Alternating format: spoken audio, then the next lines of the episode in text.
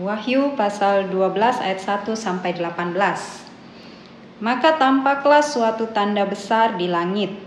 Seorang perempuan berselubungkan matahari dengan bulan di bawah kakinya dan sebuah mahkota dari 12 bintang di atas kepalanya. Ia sedang mengandung dan dalam keluhan dan penderitaannya hendak melahirkan, ia berteriak kesakitan. Maka tampaklah suatu tanda yang lain di langit, dan lihatlah seekor naga merah padam yang besar, berkepala tujuh dan bertanduk sepuluh, dan di atas kepalanya ada tujuh mahkota. Dan ekornya menyeret sepertiga dari bintang-bintang di langit dan melemparkannya ke atas bumi. Dan naga itu berdiri di hadapan perempuan yang hendak melahirkan itu untuk menelan anaknya segera sesudah perempuan itu melahirkannya.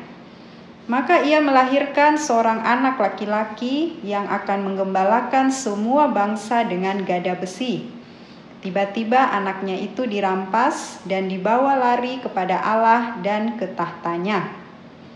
Perempuan itu lari ke padang gurun di mana telah disediakan suatu tempat baginya oleh Allah supaya ia dipelihara di situ 1260 hari lamanya. Maka timbullah peperangan di sorga. Mikael dan malaikat-malaikatnya berperang melawan naga itu, dan naga itu dibantu oleh malaikat-malaikatnya, tetapi mereka tidak dapat bertahan, mereka tidak mendapat tempat lagi di sorga. Dan naga besar itu si ular tua yang disebut iblis atau satan yang menyesatkan seluruh dunia dilemparkan ke bawah. Ia dilemparkan ke bumi bersama-sama dengan malaikat-malaikatnya. Dan aku mendengar suara yang nyaring di sorga berkata, Sekarang telah tiba keselamatan dan kuasa dan pemerintahan Allah kita dan kekuasaan dia yang diurapinya, karena telah dilemparkan ke bawah pendakwa saudara-saudara kita yang mendakwa mereka siang dan malam di hadapan Allah kita. Dan mereka mengalahkan dia oleh darah anak domba dan oleh perkataan kesaksian mereka. Karena mereka tidak mengasihi nyawa mereka sampai ke dalam maut. Karena itu bersukacitalah hai sorga dan hai kamu sekalian yang diam di dalamnya, Celakalah kamu, hai bumi dan laut, karena iblis telah turun kepadamu dalam geramnya yang dahsyat, karena ia tahu bahwa waktunya sudah singkat. Dan ketika naga itu sadar bahwa ia telah dilemparkan di atas bumi, ia memburu perempuan yang melahirkan anak laki-laki itu.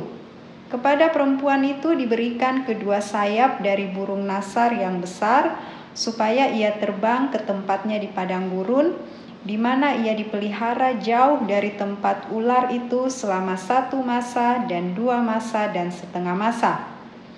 Lalu ular itu menyemburkan dari mulutnya air sebesar sungai ke arah perempuan itu, supaya ia dihanyutkan sungai itu. Tetapi bumi datang menolong perempuan itu. Ia membuka mulutnya dan menelan sungai yang disemburkan naga itu dari mulutnya. Maka marahlah naga itu kepada perempuan itu, lalu pergi memerangi keturunannya yang lain yang menuruti hukum-hukum Allah dan memiliki kesaksian Yesus. Dan ia tinggal berdiri di pantai laut. Amin. Bapak Ibu, saudara-saudari, adik-adik yang dikasih Tuhan, kita sekarang masuk di Wahyu pasal 12 ayat 1 sampai 18. Kalau menurut hamba-hamba Tuhan, inilah inti dari kitab Wahyu ya.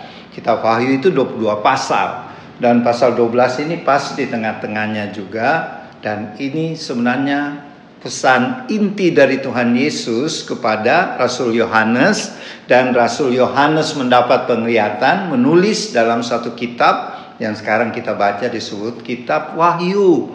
Dan apa yang dilihat oleh Rasul Yohanes ya? Kalau minggu lalu kita bahas dia melihat tentang dua saksi Allah ya, yaitu Musa dan Elia ya. Dan sekarang ketika terjadi gempa bumi yang hebat, Rasul Yohanes diperlihatkan, ah ini penglihatan bersifat metafora. Metafora itu kiasan ya. Jadi Tuhan memperlihatkan kepada Rasul Yohanes ada tiga sosok, tiga pribadi. Siapa itu? Yang pertama Tuhan memperlihatkan seorang perempuan berselubungkan matahari dan bulan di bawah kakinya dan memakai mahkota 12 bintang di atas kepalanya. Jadi yang pertama dilihat oleh Rasul Yohanes ialah seorang perempuan yang bermahkota 12 bintang. Kemudian perempuan itu sedang hamil mengandungnya. Dan pribadi yang kedua dilihat siapa? Naga merah. Naga yang berwarna merah padam. Dan yang ketiga dilihat oleh Rasul Yohanes seorang anak yang dilahirkan oleh perempuan yang hamil itu. Pertanyaannya sekarang, siapa perempuan itu?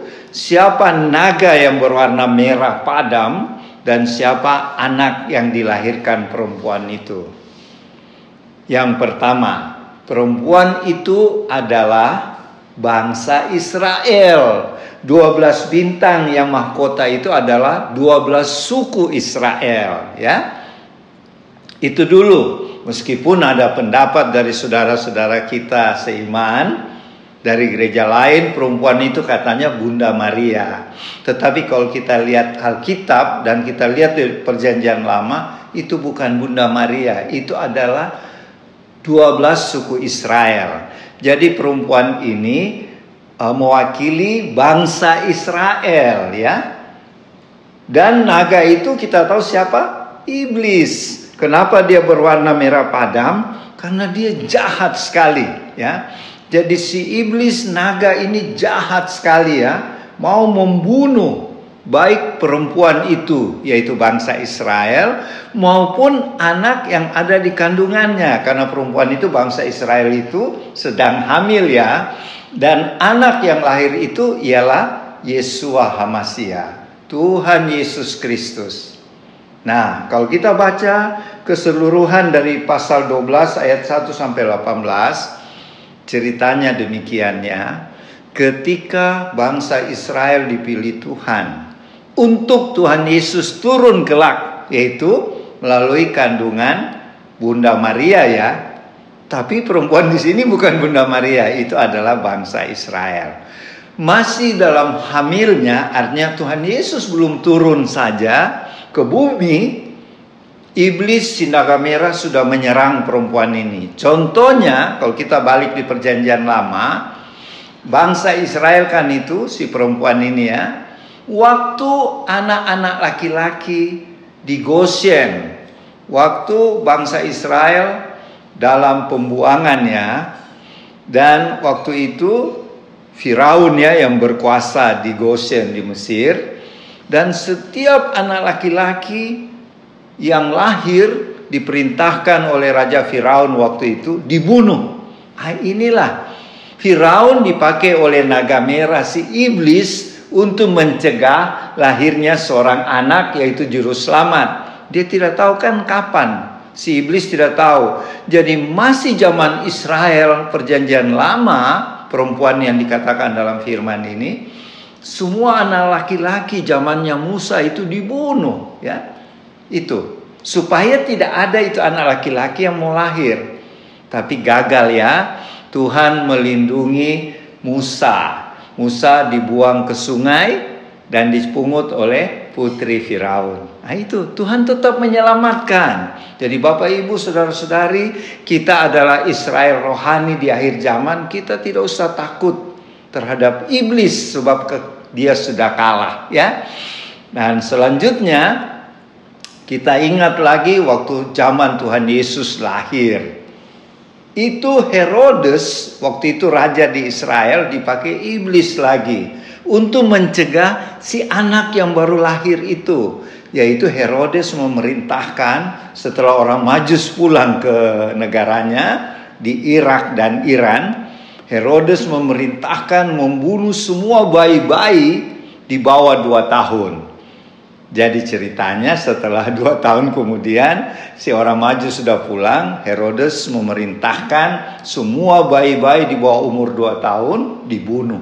Nah, inilah uh, tingkah laku naga merah itu dia pakai lagi Raja Herodes, ya. Nah itu, jadi zaman Musa bayi-bayi dibunuh, zaman Tuhan Yesus lahir di Bethlehem anak-anak dua tahun sampai bayi dibunuh. Itu ulah dari naga merah dia pakai Herodes. Dan yang paling hebat bangsa Israel di abad ke-20 Hitler yang dipakai iblis untuk membunuh orang-orang Israel. Dan kita tahu banyak sekali orang Yahudi, orang Israel dibunuh oleh Hitler sampai jutaan ya.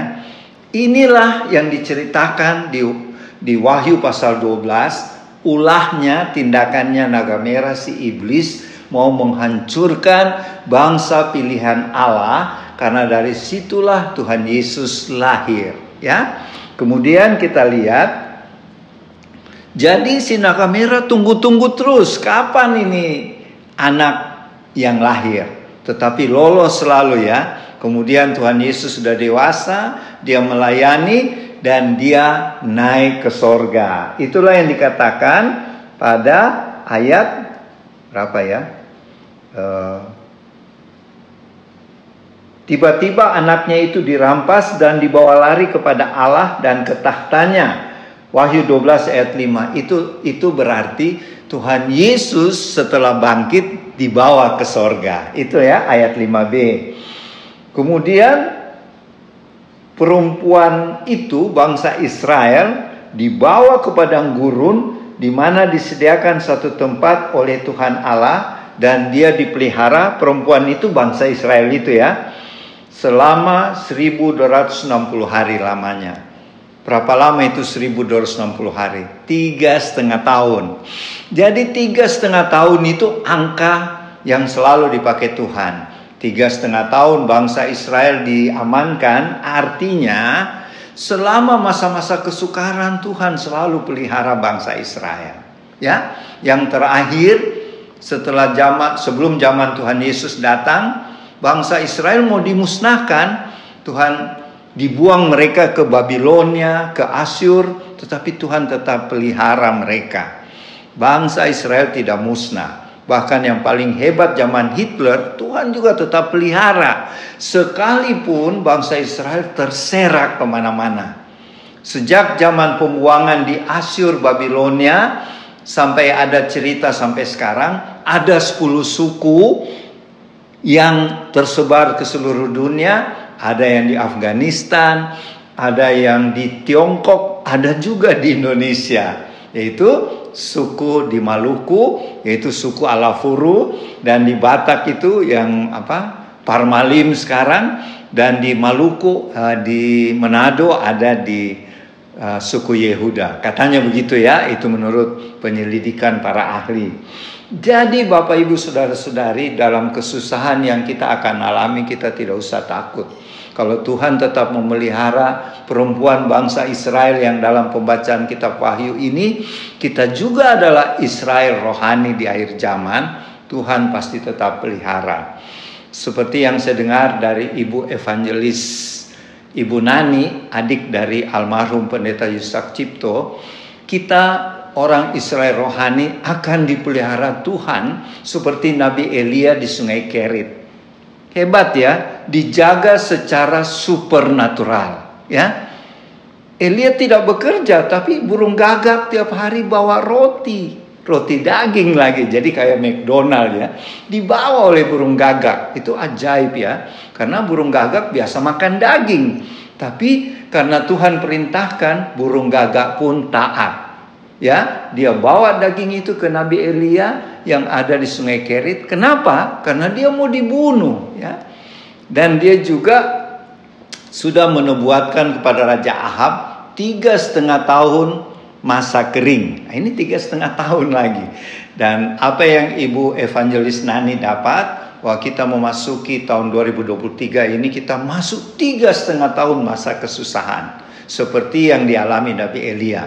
Tapi kita tidak usah takut seperti Tuhan memelihara Nabi Elia, kita juga dipelihara dengan cara supernatural yang ajaib ya. Kita kembali ke pembacaan kita. Kemudian pada ayat 7 sampai ayat ke-9 uh, Rasul Yohanes melihat di sorga ada peperangan hebat antara Mikael dengan Satan, setan yaitu Lucifer dengan pasukannya dan dia dikalahkan oleh Mikael.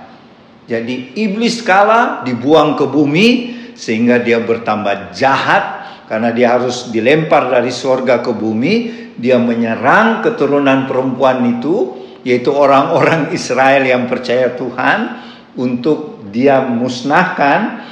Tetapi waktu iblis dibuang ke bumi, kita melihat ada suara yang nyaring di sorga. Kita tidak tahu siapa yang berbicara ya. Tapi yang jelas dikatakan Yohanes berkata di ayat 10, aku mendengar suara yang nyaring di sorga. Nah inilah intinya kitab Wahyu. Yaitu dikatakan gini, oleh suara yang nyaring.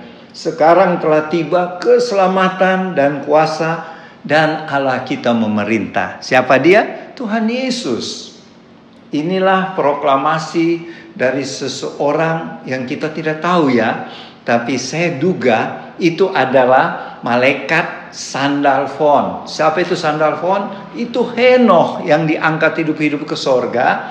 Dia menggantikan Lucifer yang dibuang. Ya, jadi ini Henoh yang berseru dan berkata, sekarang sudah tiba keselamatan dan kuasa dan Allah yang memerintah. Siapa dia? Tuhan Yesus. Dia memerintah sebagai raja atas segala raja karena iblis sebagai pendakwa sudah dibuang, ya. Jadi sudah kalah. Jadi kita tidak usah takut, khususnya warlot ya. Teman-teman warlot di mana pelayanan kita banyak uh, terjadi di supernatural ya, supranatural, mengusir setan, menyembuhkan orang yang sudah tidak sembuh-sembuh dan lain-lain. Kita ingat pesan Tuhan di kitab ini ialah iblis sudah dikalahkan. Kapan itu? Iblis mulai dikalahkan pada waktu Tuhan Yesus disalib di kayu salib di Bukit Golgota. Itulah awal kemenangan kita orang percaya Tuhan Yesus mati di kayu salib, iblis dikalahkan. Ya, jadi yang mengalahkan iblis bukan kita ya, Tuhan Yesus. Itu yang pertama. Kemudian di ayat 11 dikatakan bahwa kita ini akan mengalahkan iblis dengan apa? Darah anak domba. Itu sebabnya Oma selalu bilang darah anak domba, darah Tuhan Yesus itu luar biasa. Karena yang bisa mengalahkan iblis dan pengikutnya ada tiga. Pertama, darah anak domba. Ayat 11 ya. Ini sebenarnya intinya kita Wahyu ya. Ini yang ditakuti iblis ayat ini. Paling ditakuti iblis dan setan-setan. Pegang ini teman-teman warlot. Wahyu 12 ayat 11. Yaitu pertama kita bisa mengalahkan iblis dan pengikutnya. Karena apa Bapak Ibu Saudara-saudari? Sejak uh, Adam dan Hawa berdosa mulai sejak itu sampai hari ini sampai kerajaan seribu tahun terjadi peperangan terus ya peperangan di alam roh yaitu antara kita pengikut Tuhan dengan iblis dan pengikutnya itulah Rasul Paulus katakan musuh kita bukan manusia tetapi pemerintah-pemerintah ya yaitu iblis dan pengikutnya terus penguasa-penguasa itu wakil-wakilnya. Kemudian apa? Penghulu-penghulu. Nah, itu sepertinya Roro Kidul dan Roro jahat di udara. Jadi sejak Taman Firdaus sampai hari ini bahkan sampai kerajaan seribu tahun itu terjadi perang rohani terus dan warlot ambil bagian di dalamnya. Ya, itu kita harus ingat. Jadi yang kita bisa kalahkan iblis adalah tiga hal. Pertama, dengan darah anak domba, yaitu darah Tuhan Yesus ya, yang tercurah di kayu salib di Bukit Golgota. Yang kedua apa? Oleh perkataan kesaksian kita. Jadi Bapak Ibu saudara-saudari khususnya warlot, kalau kita pergi melayani dan kita bersaksi tentang Tuhan Yesus, itu bukan berarti kita sombong. Itu kita punya senjata menghancurkan iblis. Di sini dikatakan oleh darah anak domba, oleh perkataan kesaksian kita. Apa yang kita saksikan yaitu kita hidup sekarang oleh karena Tuhan Yesus. Itu kesaksian kita. Kita bisa hidup berkelimpahan, hidup bertahan sampai hari ini karena kesaksian kita Tuhan Yesus memelihara kita. Ini yang ditakuti iblis ya dan setan-setan. Jadi teman-teman seperti uh, Ibu Irene ya, saya tiba-tiba diingatkan Tuhan, dia menderita karena penyakit imun ya. Apa? Imun tubuhnya turun. Tidak usah takut. Karena dengan kesaksian Ibu Irene, kesaksian Warlot, kita sudah mengalahkan iblis dan rencana iblis. Jadi dua hal, mengalahkan iblis dan rencana-rencana iblis ya. Kemudian yang ketiga apa?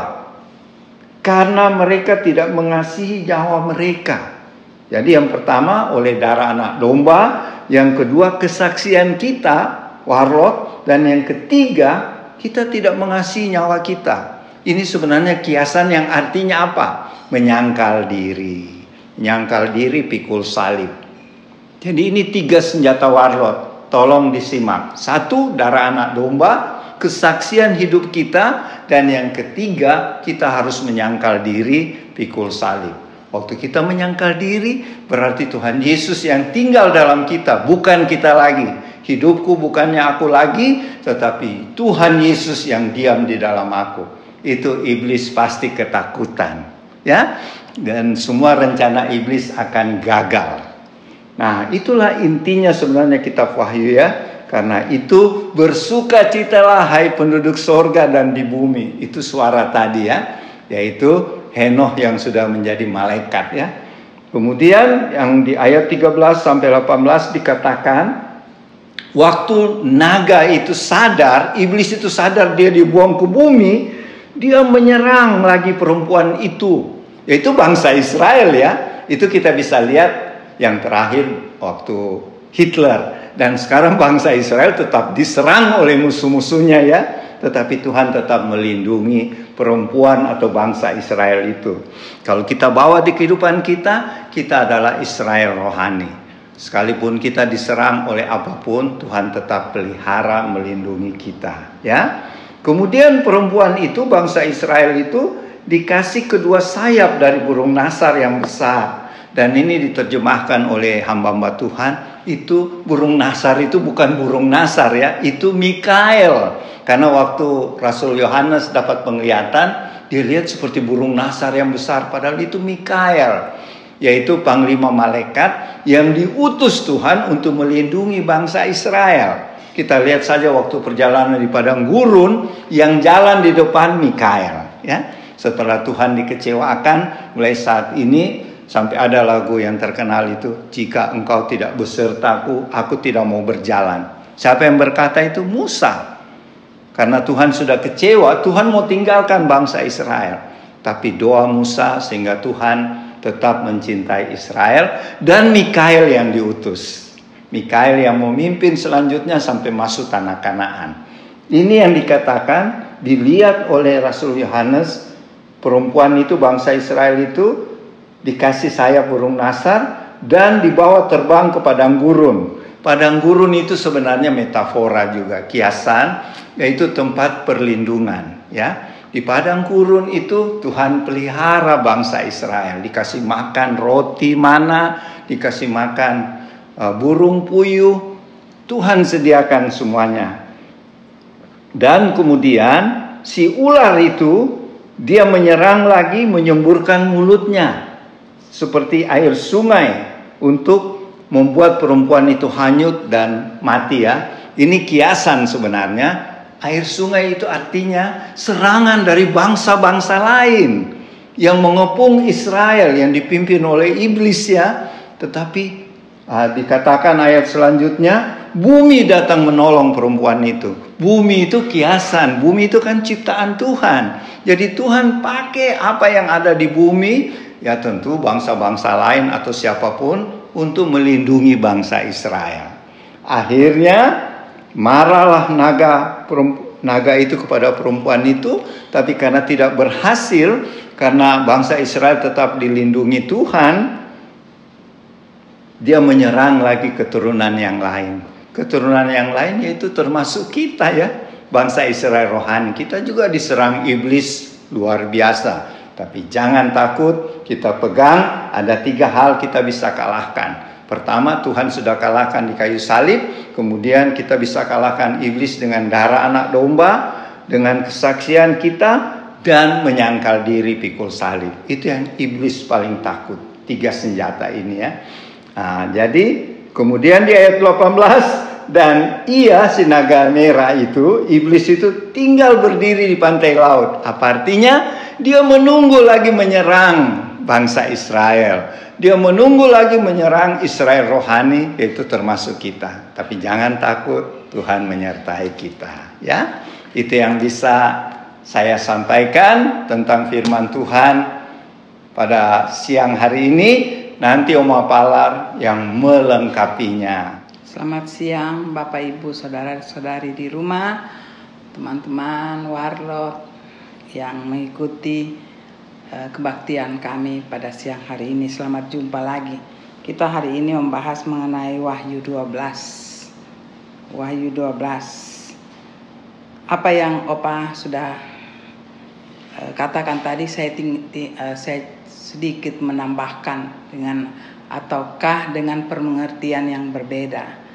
Karena firman Tuhan itu sebagaimana pernah saya katakan bahwa firman Tuhan itu tiap orang asal di dalam Tuhan dia uh, dia bisa lihat atau kita sendiri bisa melihat firman itu dari sudut apa pribadi, keluarga, persekutuan atau gereja. Ya, semua bertumbuh di dalam Tuhan. Nah, sekarang saya melihat uh, hanya menyimpulkan secara garis besar bahwa Wahyu 12 ini sangat uh, bertumbuh firman ini setiap orang seperti yang saya katakan tadi. Setiap pribadi mau melihat itu dari sudut pandang apa. Ya. Bagaimana pribadi, kelompok itu bertumbuh di dalam Tuhan dan waktu membaca firman seperti hari ini fase 12 kita melihat dari sudut pandang yang mana. Tetapi semua ini yang kita baca pada hari ini, semua firman masuk di situ. Ya. Dan intinya firman ini bahwa seperti Opa katakan tadi, bahwa inilah inti. Iya, benar itu, sangat benar. Nah, tiap orang me mengembangkan, mengembangkan dari sudut pengertian apa ya? Saya ulangi lagi Nah, di sini kita baca ada perempuan dan naga, ya. Ada naga, ada kemenangan, ada penaga naga pemburu perempuan itu. Setiap ayat di sini kalau saya baca dia tidak dengan kronologis, tapi ada gambaran di situ kita bisa tahu. Saya ulang sedikit dari minggu yang lalu sudah berapa kali saya katakan membaca wahyu tidak bisa dengan pengertian hanya perikop itu atau hanya wahyu itu membaca wahyu kita harus tahu Tuhan paling tidak kita tahu tahu isi Alkitab dari awal sampai akhirnya. Seperti Opa katakan inilah inti wahyu. Ya yang tadi dikatakan inilah inti wahyu. Itu sangat benar. Ya jadi kita harus pembacaan hari ini kita harus tahu firman. Nah sekarang tahu firman itu dilihat dari sudut tiap orang berbeda. Ya kita tahu isinya kah ayatnya kah atau keseluruhan kalau kita baca Wahyu 12 pada malam eh, pada siang hari ini bahwa Wahyu 12 adalah itulah inti yang Opa katakan. Inti dari kitab Wahyu Dan itu juga kalau saya bisa katakan itulah inti firman. Ya. Jadi yang perempuan dan naga itu banyak orang berkata bahwa perempuan itu adalah bangsa Israel. Perempuan itu adalah seperti yang Opa katakan adalah Maria, ibu Yesus. Memang kalau diperkecil bisa ya, bisa dan dia akhirnya pada akhirnya hidup dalam kemenangan. Dan siapa itu uh, ibu Yesus atau Israel? Tapi pada akhirnya hidup dalam kemenangan.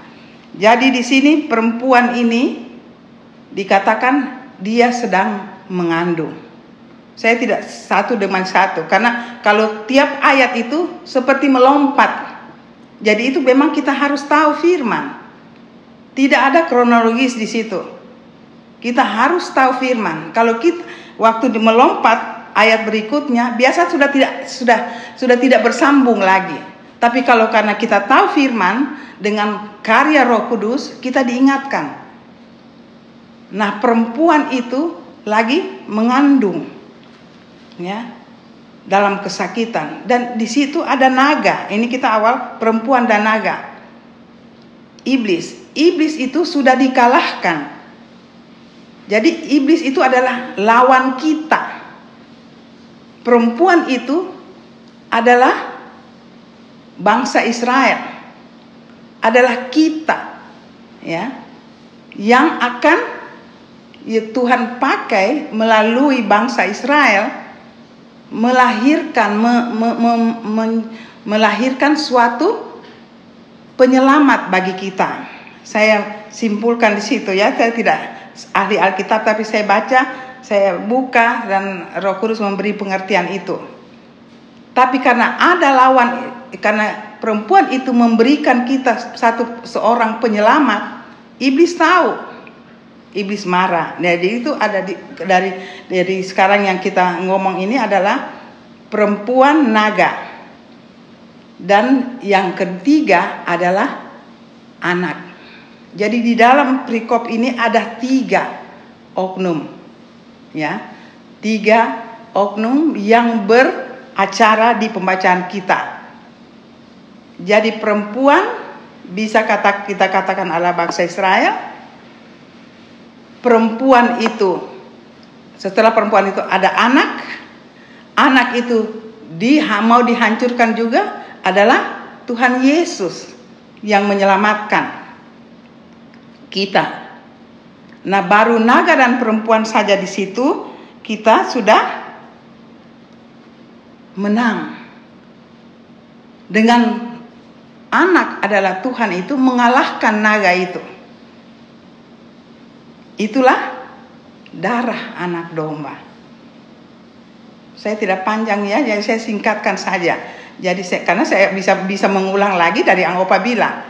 Jadi saya simpulkan saja, naga dan perempuan itulah untuk saya katakan malam ini saya ulangi adalah saya ulangi lagi adalah bangsa Israel yang mau dikalahkan oleh naga karena melalui bangsa Israel lahirlah seorang putra yaitu Tuhan Yesus penyelamat dunia. Ya, bagaimana naga naga itu melawan berperang ya sampai naga itu sendiri dikalahkan oleh siapa? Anak itu, yaitu Tuhan Yesus, oleh darah anak domba. Ya, setelah dikalahkan itu, kita menang. Kemenangan itu yang tadi kita menyanyi tadi, sekarang telah tiba waktunya dan seterusnya. Itu pernyataan ya, pernyataan dari kemenangan yang kita sudah miliki. Nah, di situ naga kalah karena kemenangan, karena darah anak domba. Ya. Tapi naga juga tidak mau tidak berhenti untuk menyerang. Siapa yang dia serang? Itulah turunan dari perempuan itu. Siapa? Adalah kita. Kita yang diserang dengan dengan tanpa tanpa uh, uh, putus asa, dia tidak bisa menyerang daripada anak domba yaitu Tuhan Yesus dia menyerang apa keturunannya yaitu kita yang sekarang ini dia kembali menyerang turunan kita tapi Tuhan dengan segala kuasanya segala otoritasnya tetap memelihara kita. Di situlah yang dikatakan naga memburu perempuan itu. Jadi memburu kita Israel baru. Ya. Saya itu sangat luas ya. Saya saya sangat mengharapkan bila Bapak Ibu uh, mendengar apa penjelasan saya dengan setelah di rumah mendengar ini bisa dikembangkan. Cuma saya ringkaskan dari tiga poin tadi, tiga pribadi tadi. Naga, anak domba, anak dan perempuan. Jadi perempuan itu, nah, eh, saya kembali lagi, iblis tidak mau kalah, dia menyerang lagi mencari turunan dari perempuan itu, yaitu kita zaman sekarang, karena itu letaknya sangat di bawah ya terakhir. Jadi saya membawa eh, pengertian saya kronologis dari judul-judul apa yang kita baca. Jadi terakhir itu dia menyerang perempuan itu dengan seturunan turunannya. Di situ dia menyemburkan uh, apa uh, satu air ya itu uh, seperti sungai dan kita ada di padang rum di, di padang gurun. Kalau saya lihat di situ padang gurun adalah sedikit saya kaitkan karena seperti saya kembangkan bahwa itulah kehidupan kita sekarang. Kita ada di padang gurun kita harus ada di situ untuk memperkuat iman kita. Kita selalu ada di dalam pencobaan, di dalam perjuangan iman, itulah padang gurun. Tapi iblis datang. Iblis datang menyemurkan air supaya kita padahal iblis atau naga itu kalau dia menyerang selalu kita lihat api. Tapi dia menyerang secara air supaya kita terpengaruh tapi tidak bisa. Tetap Tuhan berotoritas di situ dan di dalam Tuhan berotoritas di dalam kehidupan kita di dunia ini. Jadi terakhir poin terakhir dari judul di yang terakhir adalah perempuan itu diburu oleh naga. Kita ada di dunia.